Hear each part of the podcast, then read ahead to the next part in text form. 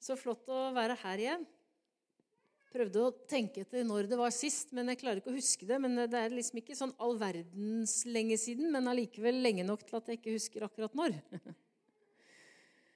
Eh, jeg fikk utdelt et tema når jeg kom hit. For de som ikke vet hvem jeg er, da, for det er jo ikke sikkert alle var her sist gang jeg var her, men jeg heter Karina. Eh, bor i Asker, ikke så langt unna her. Eh, er pastor i Hønefoss. Uh, har to barn som er på vift i slutten av uh, påske... Nei, det er ikke påske nå, det er høstferie. Uh, mannen min har preka et annet sted i dag, så han er ute og vifter et annet sted. Så vi er litt sånn spredt. Men her har i hvert fall jeg i dag. Og det har jeg gleda meg til lenge. Det er lenge siden Vidar ringte meg og spurte, og det var ikke nei i min munn. Skal vi se, Har jeg noe bak meg her? Ja, jeg tenkte å brife litt med logoen deres, da, som jeg fant på nettet. Og så var det så fint bilde som var der, så jeg tenkte at det fikk jeg også ta med.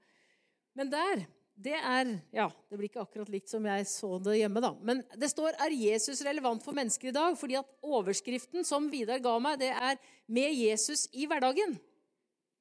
Eh, og sånn sett så er det jo mange ting jeg kunne ha brukt tiden på å snakke om da. For med Jesus i hverdagen, det er ganske, ganske vidt tema. Uh, og det er ganske mye man har lyst til å dytte inn i det. Men så tenkte jeg at dere har vel ikke tenkt å bli her helt til eh, høstferien er over. Sånn at uh, jeg fikk begrense meg lite grann. Jeg, jeg kunne f.eks. ha snakka om personlig tid med Jesus. Og f.eks. anbefalt disse bøkene her. Det er andagsbøker som eh, jeg tenkte at det er fint å anbefale for folk som sliter litt med å komme i gang med bibellesning, og som liksom syns det liksom kan være litt sånn tungt noen ganger med bibellesning. Og Så begynte jeg å lese i den, da, for jeg tenkte jeg må jo ha noe liksom referansepunkt. Så klarte jeg ikke å slutte. vet du. Så, så, uansett hvor mye man leser i løpet av dagen, og hvor mye man på en måte setter seg inn i sånn, så, så, er det alltid godt å ta med seg de her. Og det er merkelig hvordan hun Sara Young kjenner til, eller hun og Herren i fellesskap, eller hva det måtte være, når de skriver den boka der sånn, kjenner min hverdag. Det blir litt sånn underlig når man leser det, og så, og så kjenner man at det, andagsboka treffer, liksom. Og det er jo med Jesus i hverdagen. Så er, da har jeg anbefalt det. Jeg har ikke med noen til salg her nå, men dere treffer Tore og Heidi borte i butikken, så får dere kjøpt den. Det kunne jeg snakka om. Og veldig mye annet. Men jeg valgte den overskriften som du ser bak her. Er Jesus relevant for mennesker i dag? Er Jesus aktuell for mennesker i dag? Det kan vi jo stille oss spørsmål om. Jeg har lyst til å ta deg med til Jeg skal ikke lese alt som står i Matteus kapittel 8 og kapittel 9, men jeg hadde bare lyst til å dra deg gjennom noen bare sånne setninger som jeg har dratt ut av for all del, hverdagsbibelen. Jeg fant ikke noe søndagsbibel, så det passa jo bra. Det er hverdagsbibelen. Og da finner vi i kapittel 8 og 9 Du, du kan lese evangeliene generelt. Men jeg har bare liksom plukka ut noe.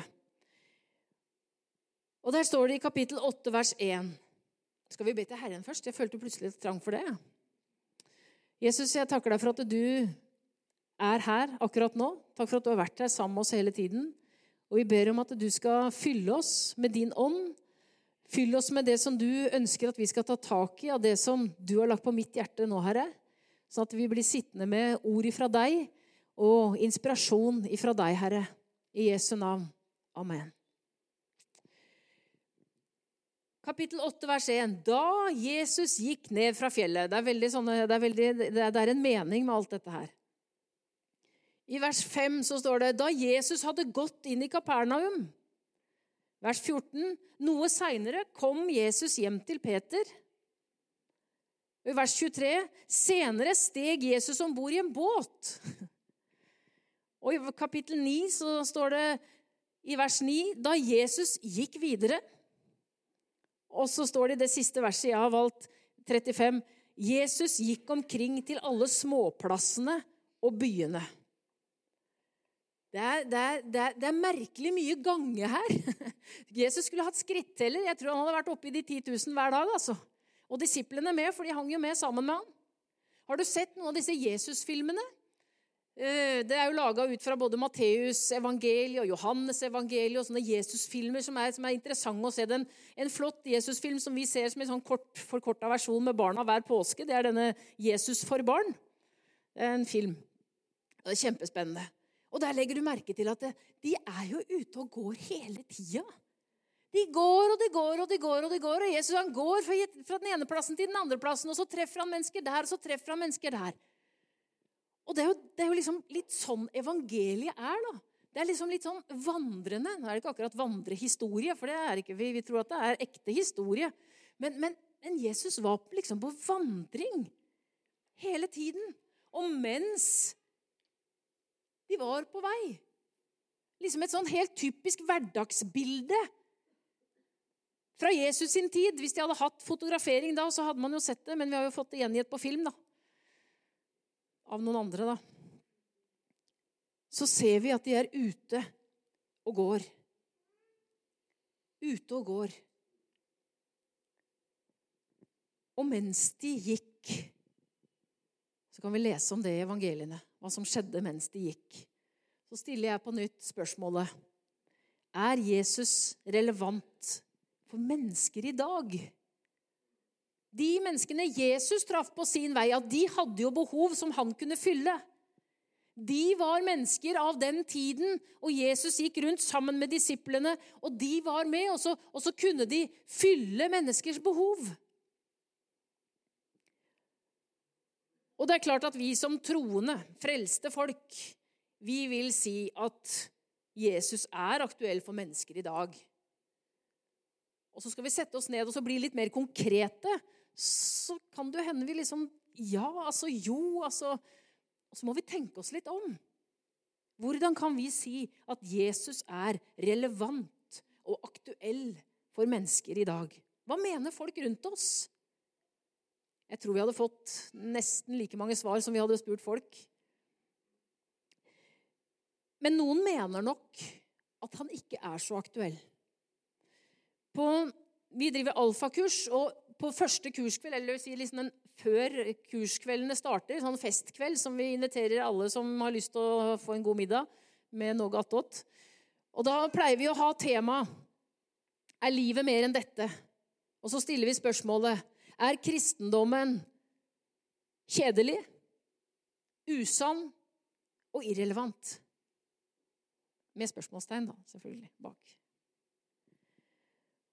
Og det er nok en del mennesker som oppfatter det akkurat sånn. Og så kan vi spørre oss spørsmålet da hvorfor det. Noen beskylder nok oss kristne for at vi ikke følger helt med i tida. Og så tenker jeg, skal vi det, da? Skal vi følge med i tiden, da? Skal vi liksom være up to date i kirke- og menighetsliv? Skal ikke vi bare være stille og beskjedne og litt sånn tilbaketrukne og holde oss her? I kirken. Her er det jo så trygt og godt og fint. Det er flott her. Fine blå stoler og Det er trygt og godt å være her. Hva tenkte Jesus egentlig på når han sa akkurat det som du nevnte? Gå ut i all verden og gjør folkeslag til disipler. Gå ut og gjør Bring mennesker inn under hørehold. Vi leser et annet sted, så står det troen kommer av forkynnelsen. Forkynnelsen av ordet. Bibelens ord. Guds ord.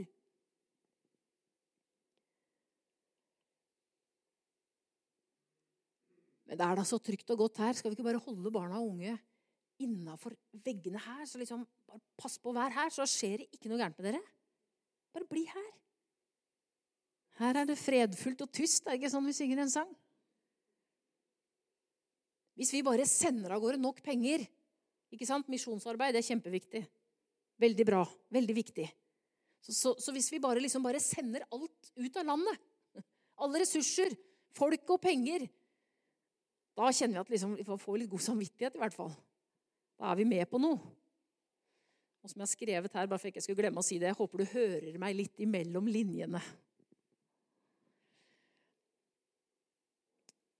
Jeg har lekt litt med ord. Jeg syns det er morsomt. Ordet menighet, menigheten, som du kanskje har eh, lest og hørt før. Ordet eklesia blir gjerne brukt. Som er henta ut fra det å En forsamling, de utkalte. De som er kalt ut av folket. Kalt ut av husene. Og I klassisk gresk står eklesia fra gammelt av for forsamlingen av borgere i en gresk polis, altså en by, som regelmessig ble kalt sammen for å bestemme over byens affærer. Det er det ordet man har valgt å bruke om menigheten i Det nye testamentet. Er ikke det litt interessant? Bestemmer vi over eh, For å snakke til dere, da. Over Drammens liksom eh, Ja, det som skal skje i Drammen framover? Har vi en sånn holdning? Jeg i Hønefoss har jeg en sånn holdning at det er jo vi som er liksom sentrumet her. Det er, som, det er vi som har det. Dette vil vi bringe inn for myndighetene. Dette vil vi hjelpe myndighetene med å forstå. Det er ikke alltid vi tenker sånn. Kanskje tankegangen faktisk var litt mer sånn før i tida. Fordi at vi vet jo det at De første skolene som vi hadde, det var jo prestene som var lærere på skolen, og som lærte folk. og Jeg vet ikke hvor mye bøker de hadde, men de hadde kanskje disse 66 da, mellom to permer i hvert fall, som de brukte. Så lærte barna å lese og skrive. Hvor er vi? Hvor er jeg? Det er sånn at Når man står her oppe, så står man jo egentlig mest i glasshus. Man uh, preker ikke nødvendigvis alltid mest til de som sitter der framme, selv om dere får nytte av det når jeg snakker høyt med meg sjøl. Det står i Guds ord at vi skal få kraft. Det står at vi skal få kraft og være vitner når Den hellige ånd kommer over oss. Ute, sånn utenfor stuevinduet ute, og ute utenfor landegrensene ute. Vi kan få være ute blant folk. Så kan vi stille oss spørsmålet har mennesker i dag behov for Jesus. Har mennesker i dag behov for noe utenfor seg selv? som det virker som de hadde på Jesu tid. Nå skal jeg bruke en historie i Bibelen som ofte blir brukt i en litt annen sammenheng. og Den kan vi gjerne ta en annen gang, men akkurat nå skal jeg bruke den på litt annen måte. Men vi leser fra 2. kongebok, kapittel 4, og vers 1-7. En kvinne som var enke etter en av profetdisiplene, ropte en gang til Elisha. Din tjener som var min mann, er død, og du vet at din tjener fryktet Herren. Men nå kommer en som han skyldte penger, og vil ta begge sønnene mine til slaver. Ja, da kom det inn litt ekstra. Elisha sa til henne, 'Hva kan jeg gjøre for deg?' 'Fortell meg hva du har i huset.' Og hun svarte, 'Din tjenestekvinne har ikke annet i huset enn en liten krukke med olje.' Da sa han, Gå ut til alle naboene dine og be om å få låne kar, så mange tomme kar som du kan få tak i. Så skal du gå inn, stenge døren etter deg, deg og sønnen din, sønnene dine. Hell olje oppi alle disse karene og sett dem bort når de er fulle. Skal jeg bla videre på det så dere ser òg?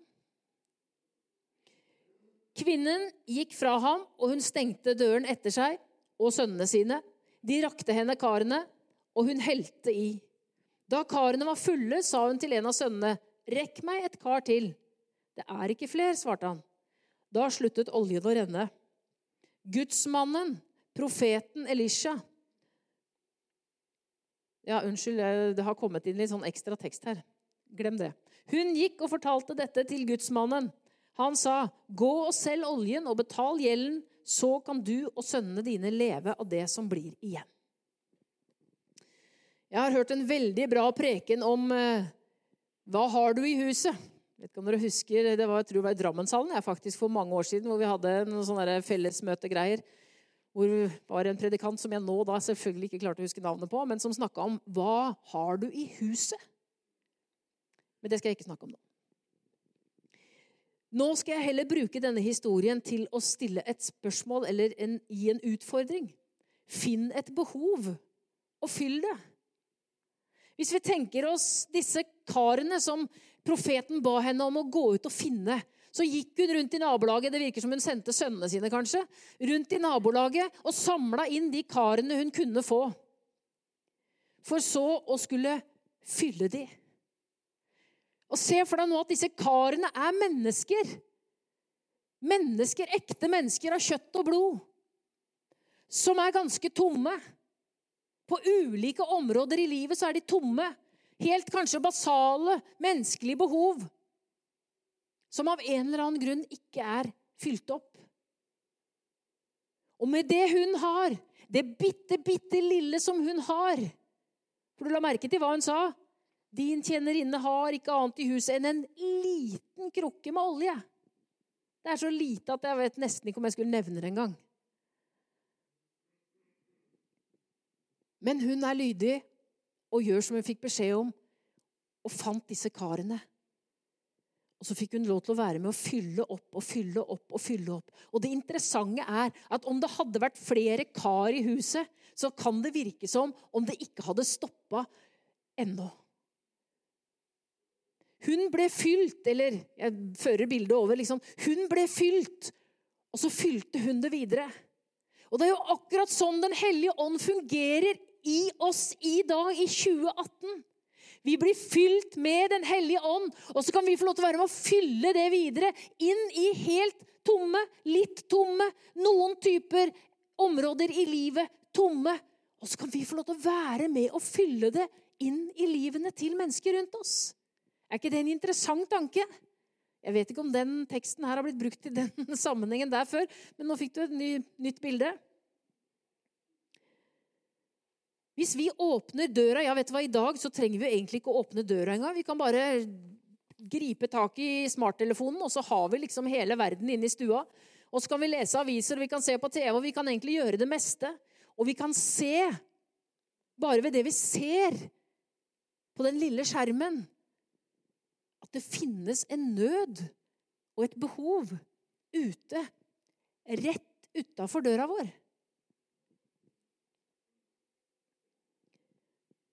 Og jeg tenker det at hvis vi da hadde åpna døra og gått ut og tatt med oss den fylden, tatt med oss den krukka eller det bildet vi måtte ønske å bruke, og så bare båret det med oss mens vi allikevel var ute for det, det, det, virker som det var sånn det var når Jesus gikk omkring. Det var liksom, Mens han allikevel var ute altså Han, han, han påsto at han måtte gjennom Samaria for å komme seg til liksom andre sida det. Men han måtte ikke det. vet du. Hvis du ser på kartet, så ser du at det er omvei. det. Men Jesus han, han hadde fått det for seg at han skulle gå den omveien mens han allikevel var ute og gikk.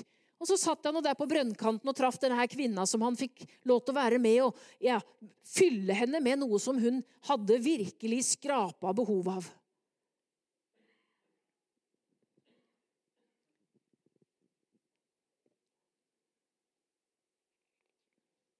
Jeg tenker at de åndelige gavene, de må ut.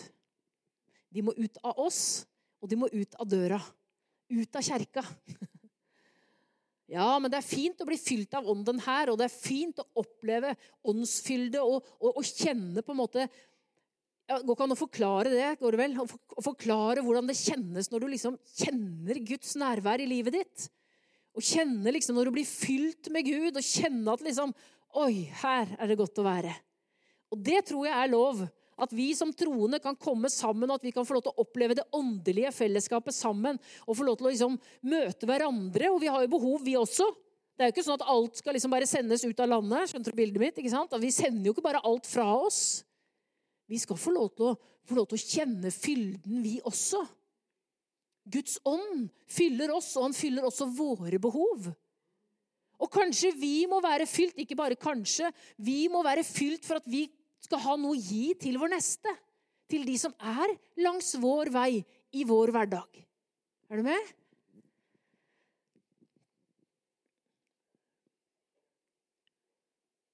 Hvordan finner vi de som er der ute, som har behov? Det er mange måter, og jeg har allerede sagt noe. Men jeg leiter litt, og av og til så har jeg vært inne på Ungdata. Vi er litt opptatt av ungdommen. ikke sant? Vi, vi vil jo at neste generasjon skal ha, skal ha, det bra. Og Dette var, fant jeg på Ungdatas siste eh, undersøkelse fra 2017. En ung gutt på 13 år som har eh, skrevet i forbindelse med denne undersøkelsen, så har han skrevet jeg har ingen venner på skolen. Jeg føler meg ensom på skolen. Jeg er ikke så glad i fotball, så er ikke med i noe sport. Alle på skolen har en venn. Det er ikke noe å finne på å gjøre om dagene. Hva kan jeg gjøre for å få en god venn? Flere gode venner? Spørsmålstegn. 13 år. Jeg har en 13-åring hjemme. Og ja, han sitter på rommet kanskje av og til, men da er han jo ikke så ofte han er aleine.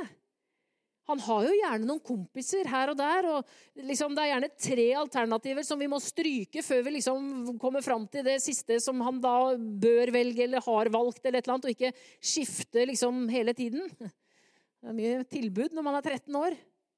Men her er det altså en 13-åring som ikke har én god venn. På neste slides her så gikk jeg litt videre inn, og så så jeg dette her er for Buskerud. 23% av ungdommen i Buskerud opplever at de er ensomme. 23% Det er jo nesten ingenting. Tenk deg det. Av 100 23. Altså, det, det, er, det er ikke svære tallet, det. Men hvis vi ikke blir fullt så tallfokusert og kyniske, så tenker vi kanskje at det finnes jo faktisk ett menneske bak hvert tall. Og da blir det plutselig en del mennesker på 1000, hvis du skjønner. 23% Og nå snakker vi bare om Buskerud. Det er flere jenter enn gutter som kjenner seg ensomme. Og andelen av de som er plaga av ensomhet, det øker med alderen. Det kan kanskje ha noe med den neste statistikken å gjøre. For Det står at 70% av åttendeklassingene i Buskerud er medlemmer av en organisasjon. Og da kan vi jo igjen tenke 70% så bra! Det er jo fantastisk at, liksom, at de er engasjert og har noe å drive med. Men det er jo faktisk 30% som ikke er i noe organisert opplegg. Som ikke har fritidsaktiviteter som de på en måte er kontinuerlige på. Det betyr ikke at de ikke driver med noe i fritida, men de er på en måte ikke, de ikke fanga opp i noe system eller av noen som på en måte ser de, eller som kan følge de opp. For det er jo gjerne det man gjør. ikke sant? Er du med på fotballen, så, så blir du jo fulgt opp av en trener, og du, du savnes når du mangler. Og, ikke sant? 30% Det var en åttendeklassing. Men så ser vi det at det er bare 40% når man kommer opp i videregående skole.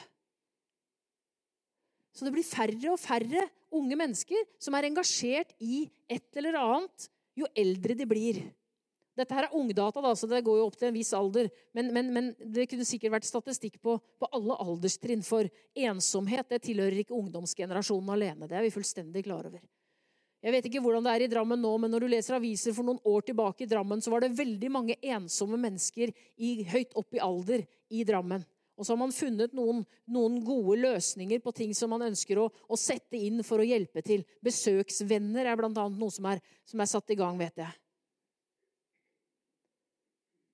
Ringer det noen bjeller her?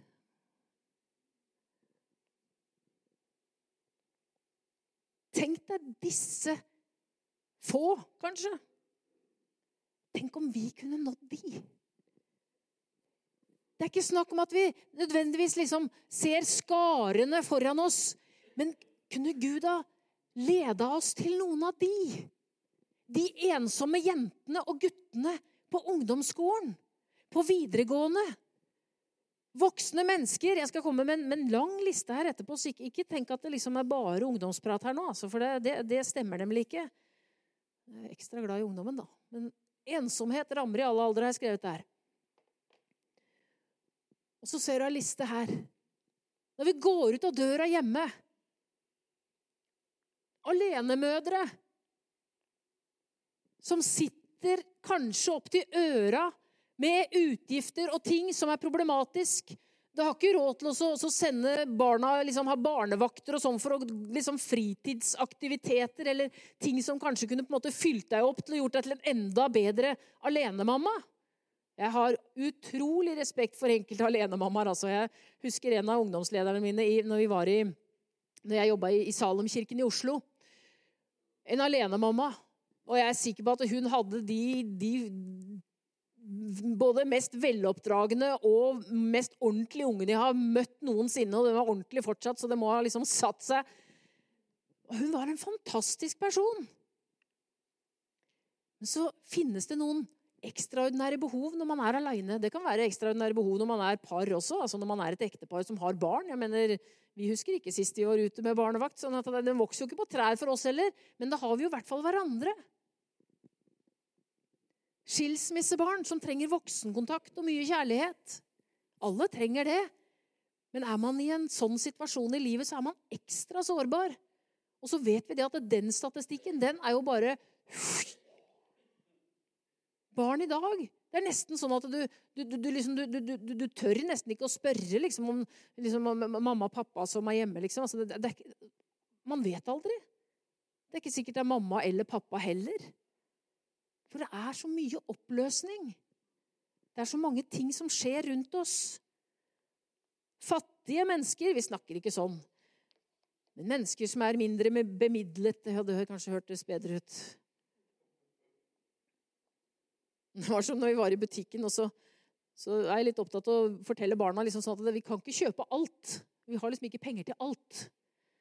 Men når jenta vet du, er helt shoppinggal, åtte år gammel, ikke sant, så skal, liksom, tenker jo det. Men så hadde jeg liksom satt litt mye grenser en dag, syns hun nok. Og så spør hun liksom, for ettermiddag så sier hun, mamma, er vi fattige? det kunne hende hun tenkte sånn, siden jeg liksom hadde satt foten så voldsomt ned den dagen. Hvor jeg måtte forklare at nei da, vi er nok ikke fattige, men vi skal ikke bare sløse med pengene våre. Men det finnes de som ikke har noen ting å bruke ekstra. Kanskje de til og med har for lite til den vanlige daglige. Og det kan være flere årsaker. Det kan være at man er dårlig på økonomi, man kan være dårlig på å disponere midlene sine. og liksom sånne ting. Så det, det kan være at man er liksom selvforskyldt. Men hva hjelper det da når du står der? Man trenger kanskje noe veiledning, noen gode råd fra noen gode forvaltere. Kanskje noen kroner også, men det er ikke hjelp i lange løp, tror jeg. Jeg tror det er mer på det å hjelpe folk å sette opp budsjett og hjelpe dem å bruke pengene på en rett måte. Tenk deg hvilken mulighet vi som menighet har da, til å være med. Og det er bare mens vi går langs veien. Det er ikke én det er ikke liksom én ekstra organisert greie ut ifra noe som helst. Det er rett og slett bare ut ifra det at vi er Kristi kropp der vi er i hverdagen. Menigheten det er jo ikke bare liksom når vi er her i dette huset. Menigheten det er vi jo når vi er der ute. Og med den connection som vi har til Den hellige ånd, til Herren sjøl, ja, så har vi enormt potensial til å kunne være med å fylle mennesker opp. Er det noen som kan eh, si ko-ko eller et eller annet sånt når de føler at liksom, talen burde vært over? Jeg så dessverre ikke på klokka når jeg starta. Det, det, ja. det, det, er en lang liste her med mennesker som har behov. Som du kan lese hvis du vil på skjermen her. Jag etter kjærligheten. Søk med iver og entusiasme, har jeg lagt til, om å bli utrustet med de åndelige gaver. Særlig å tale profetisk, sto det. Første ord inntil 14. Så stiller jeg meg spørsmålet hvorfor er det bare New Age eller andre liksom, religiøse retninger og sånne eh, eh, ja, Hva heter det? Saudo et eller annet. ikke sant? Altså, hvorfor er det bare alle andre religiøse, åndelige retninger som skal på en måte ha nedslagsfelt i, i, i nærmiljøet vårt. Jeg vet ikke om du har bevega deg inn på alternativ messe noen gang. Det, på en måte så har du ikke gått glipp av noe, på en annen måte så har du det. Jeg har vært på alternativ messe fordi vi har hatt stand der flere ganger i Oslo i Spektrum. Og jeg må si det at det, det er aldri noe tid hvor troen min har vokst mer av å gå inn en, over en dørstokk, hvis det er det i Oslo Spektrum, og inn i den salen som liksom alle folka var samla med hver sin stand. Hvor jeg kjente at hvis folk kjøper dette greiene her, så kjenner jeg at jeg blir frimodig i min tro på Jesus Kristus, som døde på et kors for at vi som har syndere, skulle få bli syndfrie og få et evig liv. Når folk kan kjøpe at du liksom står bak ryggen på dem med et stearinlys for å liksom teste ut hva det er for noe av liksom ånder og diverse ting som liksom beveger seg under og rundt omkring i livet ditt, ja, vet du hva, da er min frimodighet på Jesus Kristus ganske så stor, altså. Når det kommer til håndtydere som forteller at de er på vei til et eller annet sted, eller at de kommer til å få en svulst på halsen eller, altså, vet du hva? Da kjente jeg at jeg, da, da kjente jeg, at jeg ble sint, da, faktisk. Jeg kjente at dette her går ikke an, så jeg gikk og snakka med den dama etterpå. Jeg tenkte at Hun må jo i hvert fall få tilbud om forbønn etter en sånn beskjed som det der. Og Svein Magne Pedersen jo, hadde jo stand like bortafor der, så jeg kunne jo i verste fall sende, dit, sende henne dit. Men fakta er at det, hvorfor skal det bare være de der ekstraordinære, rare eller, eller, eller det som liksom altså Det må være noe som trigger folk. Og jeg tenker det at de er åndelig åpne, de folka vi har rundt oss i hverdagen. Mennesker er åndelig våkne. De trenger noe utenfor seg selv, og de leter desperat. Og så tenker jeg, har vi hermetisert Guds ånd og Guds kraft litt for mye her inne, eller her inne? Sånn at mennesker rundt oss ikke får tak i det. Ja, men vi må passe, vi skal jo ikke støte noen. Det står ikke det i Bibelen, da. Jesus han eh, ble opplevd som støtende flere ganger, han altså. Hvis jeg har lest riktig, da. Det var ikke alle som svelga helt det Jesus kom med, og som han sa. Den rike mannen, husker du? Den rike mannen som kommer til Jesus og sier at liksom, hva, hva, hva, hva syns du jeg skal gjøre, liksom? For han, han fasta, og han liksom ba, og han, han, gjorde jo veldig mye av de riktige tingene. Hvorpå Jesus da kommer med en utfordring som gjør at han går lei seg derfra. Men Jesus, da, du må ikke støte han. Tenk om han nå bare går helt åt feil hold. Men fakta er at det, vi er satt der som, sand, nei, som, som salt. Ikke sand. Søndagsskolen driver med sand. Salt. Og noen kan oppleve at det blir litt for salt noen ganger. Men vi er jo like fullt satt der. Og jeg tror ikke vi skal gå ut for å være rare. Ikke sant? Jo rarere vi er, jo mer gjennomslagskraft i evangeliet har vi, liksom. Jeg tror ikke det. Jeg, jeg er opptatt av at, at vi altså, jeg, jeg, jeg, vet ikke, Det der ordet 'relevant' begynner egentlig å bli litt slitt. for liksom, vi, vi kan aldri bli fullstendig relevante inn i liksom, et, et, samfunn som, som, som, går mer og mer av skaft og hengsler. Altså, vi, vi, kan ikke, vi, kan ikke, forvente at vi liksom skal matche inn i alle disse greiene som skjer. Men at Gud, Guds ånd og Guds kraft, det er, går ikke av moten. Hva var det det sto for noe? Det var et eller annet som ikke går av moten, for det har aldri vært moderne. var det en som skrev. Jo, det var evangeliet, det. Det går aldri av moten, for det har aldri vært moderne. Det har jo vært problemer fra første stund når evangeliet ble forkynt. Ettermøtene til Jesus det var jo gjerne steining, da. Eller noe sånt. Ikke sant? Men tenk deg da å leve i en sånn profetisk dimensjon. Skal vi, liksom, skal vi, skal vi ta oss med dit? Det, vinker du nå? Nei, ikke ennå? Bare klødde deg i Greit. Jeg følger med nemlig med sånn veldig på alle som løfter fingre her nå. Ja, bra. Men tenk deg nå at vi er litt sånn profetisk anlagt uten at vi veit om det. For en morgen så går du ut på trappa. Åh, jeg vet ikke åssen hjem du har, men jeg kan gå sånn ut på trappa. Åh. Eh, nå er det ikke sånn veldig kort vei til naboen min. Hvis hun, hvis hun strekker seg over liksom, gjerdet på sin eh, tomt, så, så ser jeg henne. Og tenk da om min nabo en dag hadde kommet ut på trappen mens jeg sto der. Og så roper jeg over til henne, og så sier jeg, 'Ha en fin dag, da. Si fra hvis du skulle trenge noe hjelp i dag.' Ja. Kjempeprofetisk, ikke sant? Det er ikke profetisk ennå.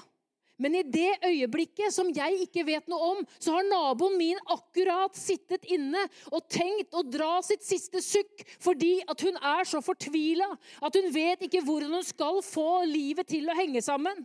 Og så sier hun som et lite sånn, sånn, sånn, sånn skrik, men sånn uhørlig skrik på innsiden. Hvis du finnes, Gud, så må du gi meg et signal på at noen bryr seg om meg. Så kommer jeg på trappa, og så å, strekker jeg meg litt. Og så bare roper jeg over, fordi at naboen min kjenner jeg jo godt, tror jeg. Ikke sant? Vi tror jo vi kjenner hverandre så godt. Leser dere Korsets seier her i huset? Noen? For et par uker siden så sto det en artikkel om en bror som hadde tatt livet sitt. Uten at familien visste noen ting. Vi er litt lukka noen ganger, og vi vet ikke alt. Så i gitte situasjoner man, Det er ikke hver dag du kanskje spør naboen din om han trenger hjelp, men akkurat da så kjente jeg at jeg skulle si det. Og Så får jeg kanskje vite det seinere, at min nabo hadde vært i desperasjon. Og at det var det som gjorde at Du skjønner det at det å være profetisk Vi må, vi må, vi må rykke det litt ut av de derre liksom Langt oppi der. Det er liksom for spesielle mennesker. Ja, men så er vi spesielle alle sammen, da. Så er det for oss. Det er for deg og meg, og det er for hverdagsmenneskene som leser hverdagsbibelen. Som, som, som, som lever i en hverdag med mennesker rundt oss.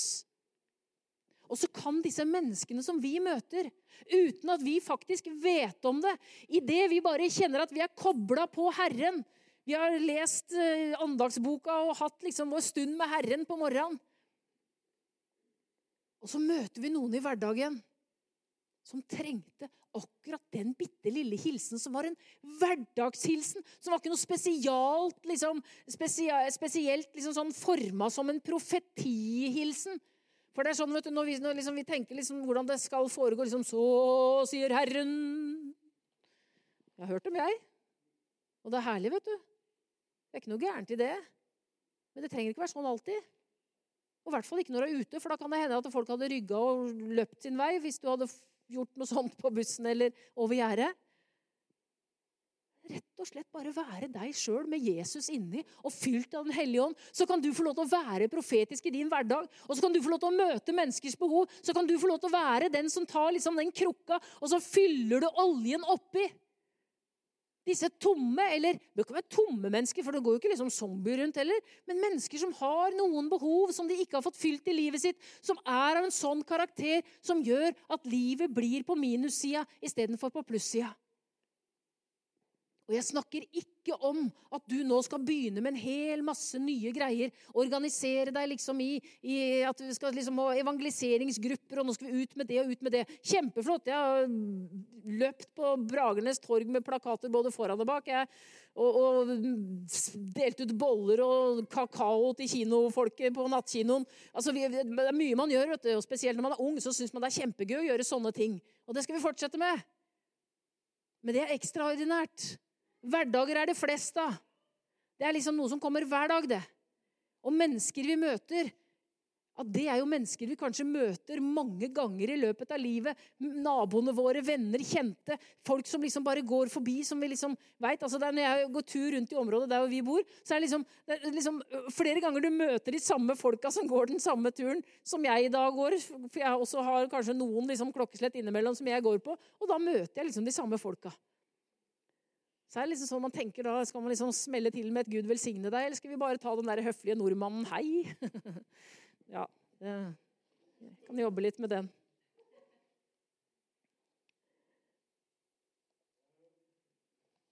Jeg skal ta bare en siste slide. Salomo, en av de viseste mennene som har levd på jorda. Det står at han var den viseste, så jeg vet ikke om det har kommet noen visere etter han. Å frykte Gud er begynnelsen til visdom. Har du noen gang merka det, hvordan mennesker rundt deg kan binde deg?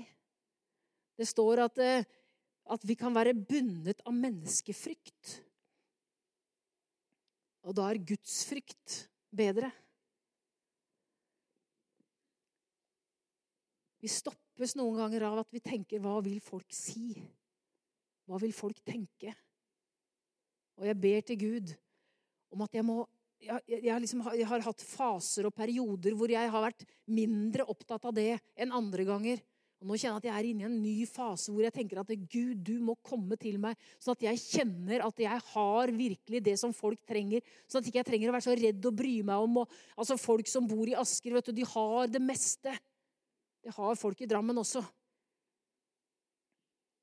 Men fakta er og det ser jeg jo på noen av vennene mine. ikke sant? Nå, det, det, er sjelden at jeg har kommet til de og drive og dytta på de åndelige spørsmål. Det går heller den andre veien. Du, for du, du er ikke du sånn derre prest. Og da gidder ikke jeg å liksom starte noe teologisk samtale om at nei, jeg er ikke prest. Jeg liksom, har ikke presteutdannelsen akkurat da, men det er nesten, det ligner fryktelig tett opptil. Nei, da sier jeg bare ja, jeg. Jo da, jeg er sånn prest. Ja, men du, siden du er sånn prest, så veit du kanskje Eller så har du kanskje noen tanker om Og så, så, så får vi noen samtaler som går litt mer på dypet. Så er det en venninne av meg som alltid spør liksom sånn Skal vi ta en te og snakke litt om livet, havet, død og kjærligheten? Og så de der åndelige greiene. Det er liksom meg hun kan prate med det om, da. Vi kan få lov til å bety noe for folk rundt oss. Og kanskje vi faktisk er mer profetiske enn det vi er klar over til tider. Så hvis vi stiller spørsmålet på nytt er Jesus relevant for mennesker i dag, ja, jeg tror faktisk det. Jeg tror du har mye å komme med. Både, både, av din åndelige erfaring, livserfaring Kanskje du ikke har noe særlig erfaring i det hele tatt, ja, men så har du det. Da er det en erfaring, det også. Og du kan få lov til å bidra med deg. Vær deg sjøl. Ja, jeg er jo litt sånn drammenser, altså jeg sier jo 'vær deg sjæl', du blir ingen annen likevel. Det er, liksom, det er liksom på det nivået der. Gud kan bruke deg akkurat som du er. Han kan fylle deg de jentene som du går på skolen med, eller som du studerer sammen med, eller som du jobber sammen med. De menneskene som du har rundt deg, disse gutta som vi om, som vi så på statistikken her. Du treffer dem på videregående skole eller ungdomsskolen. Du treffer disse folka rundt forbi. Disse eldre som kanskje har litt dårlig med besøk, for man har litt mindre familie kanskje enn man skulle ønske. Man, man, man, man har liksom behov i alle aldre. Alenemødrene. Vi kjenner noen alle sammen som er alene med barna. Vi kan få lov til å bidra inn med profetisk visdom inn i menneskelivene. Jesus, jeg ber om at du skal fylle oss med ditt ord her og nå. Hjelp oss, Herre Jesus, og løft byrdene av skuldrene våre, Herre Jesus, ikke vi kjenner oss tynget. For du kommer aldri med noe som tynger oss, men du løfter oss opp og inspirerer oss. Og hjelp oss til å forstå at det du har fylt oss med, det holder i vår hverdag. Det du har gitt oss av din kraft og din visdom, det holder i vår hverdag. Takk for at vi kan få lov til å være med og se mennesker rundt oss, mer enn som trær og mer enn som bare noen som farer forbi. Men at du kan gi oss noen tanker og gi oss noen ord som vi kan møte mennesker med på en helt naturlig, dagligdags måte, men som i det øyeblikket det blir sagt, blir en profetisk hilsen. Jeg ber om at du skal hjelpe oss, Herre. Om det er handlinger vi skal gjøre, eller noen du har minnet oss om, Herre, for vi vet at du kan det. Du kan minne oss om mennesker. Hjelp oss, Herre, at vi er lydige mot det kallet som du gir oss, og så går vi på det i Jesu navn. I Jesu navn. I Jesu navn. Priser deg, Jesus. Takk, Jesus. Takk, Jesus.